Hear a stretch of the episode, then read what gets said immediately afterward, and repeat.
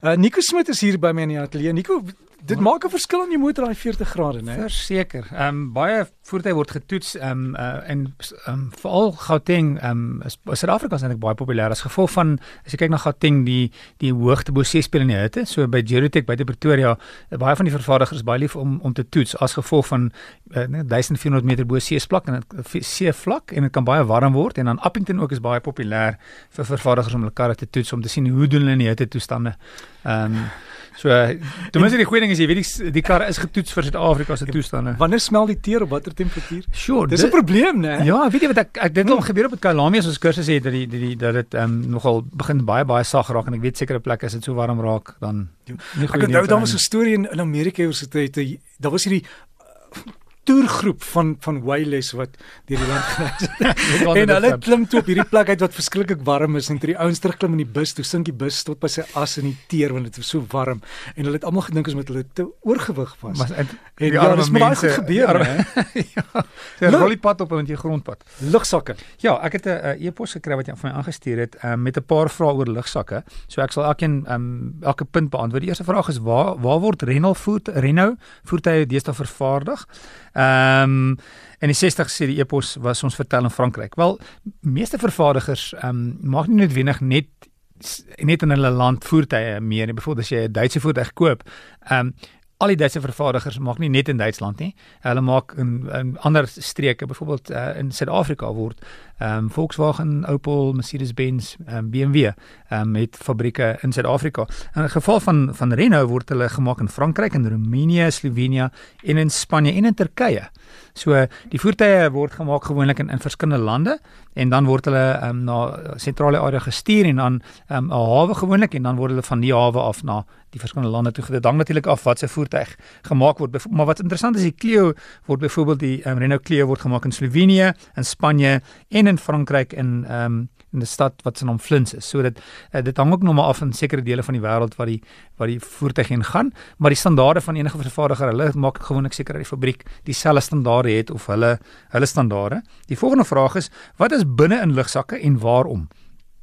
So 'n lugsak is 'n polyuretaan sak um, wat gemaak word en dan gewoonlik is daar materiaal wat in die lugsak gepak word sodat hy nie wanneer hy ontvou wanneer die die die krag wanneer die die jy 'n ongeluk is in die lugsak um, opblaas, nie opblaas nie die regte woord nie. On, um, wat sê help my uit met die mooi Afrikaans nie opblaas is klink verkeerd. Pop.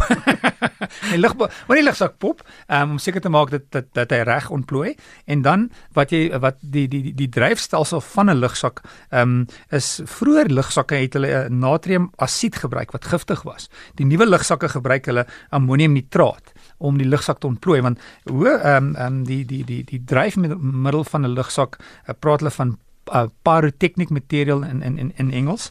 En dit is basies weet nodig om om die lugsak baie vinnig uit te laat sit. So jy kry eksotermiese reaksie met ander woorde hitte, lig, gas, rook en klank.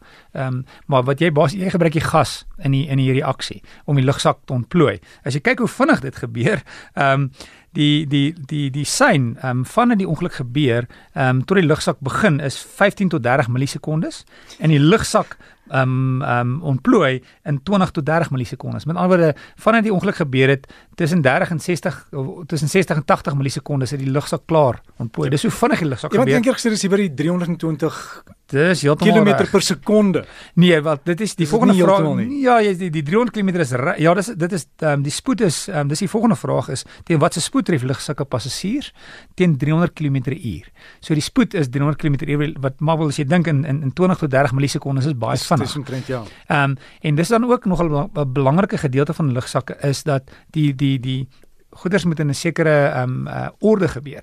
En as dit verkeerd is, as die lugsak te vro vroeg ontplooi of as die lugsak te laat ontplooi, kan dit skade hê vir die passasier. So dis hoekom die veiligheidsgordel ook belangrik is, want die veiligheidsgordel hou jou in plek en lugsakke werk saam met veiligheidsgordel. So eers keer die die veiligheidsgordel die groot um, beweging vorentoe. Kom ons sê dis 'n vorentoe beweging in 'n ongeluk en daarna as die lugsak ontplooi, het jy al uh, die die die veiligheidsgordel 'n groot gedeelte van die beweging gestop. En die lugsak is net die laaste gedeelte dat jy nie die ehm um, kontak um, maak met die stuurwiel of met die met die met die voorste kant van die voertuig of dan in die kant as jy kantlugsakke het, byvoorbeeld as jy 'n paal tref om seker te maak dat jy nie die ehm um, ehm um, kontak maak met die paal nie. En die laaste een is waarom is die veiligheidsgordel so swak ten spyte van 'n nuwe Renault?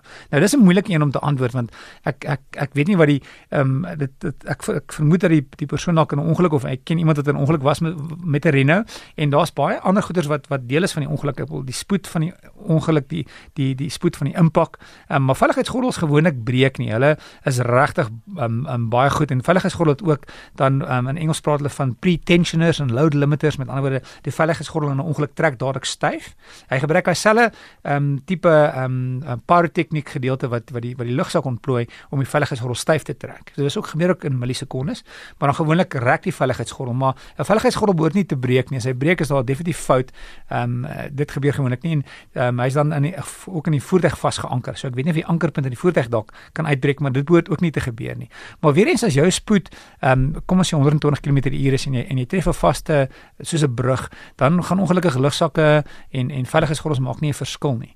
So ehm um, ek hoop dat jy die vraag geantwoord. Die grootste ding is maar jou veiligheidsgordel want dit dit is meer belangrik as jou lugsakke. Die lugsakke is is is iets wat net wat nie wat nie jou spoed kan stop ehm um, as jy beweeg nie. As jy byvoorbeeld net teen ehm um, ehm um, net gou kyk teen ehm um, 48 km/h ry en jy het, het 'n ongeluk, 'n doodstop, dan is dit dieselfde as om van drie verdiepings af te val. So teen 48 km/h is maklik om 48 km/h te ry as dit drie verdieping val. Jy kan dink as as jy spoed hoër raak, um, dan is dit gewoonlik 4 keer die die kragte. So dra maar jou veiligheidsgordel en en kyk maar na jou spoed. En kyk wat die ander mense doen kyk en dink vir ander mense. En ek ek, ek dink het 'n voertuig gehad wat die vervaardigers uh, vir my vervang het want daar was fout met die voertuig, maar ek het sportsitplekke ingehaat wat hulle toe moes oorplaas. Mm -hmm. En dis hulle vir my dis nie so maklik nie want hulle moes al die lugsakke weer uh, hoe se hulle sink of of insit en oor oor oor doen. Ja, daar kyk daar da, natuurlik al al hierdie ehm um, um, kom ons sê alles praat met mekaar. So as daar's 'n klomp sensors wat moet sê luister daar's 'n ongeluk, daar's 'n ehm um, 'n beheersensor wat moet sê reg dit die die, die kragte in die ongeluk is genoeg om die lugsakke te ontplooi. Ehm um, waar kom die kragte vandaan? Ehm um, en dan ook eh, die sitplekke het dan baie maal uit die sitplekke 'n lugsakke, meeste lugsakke nou as hulle kant lugsakke het, sit in die in die sitplek.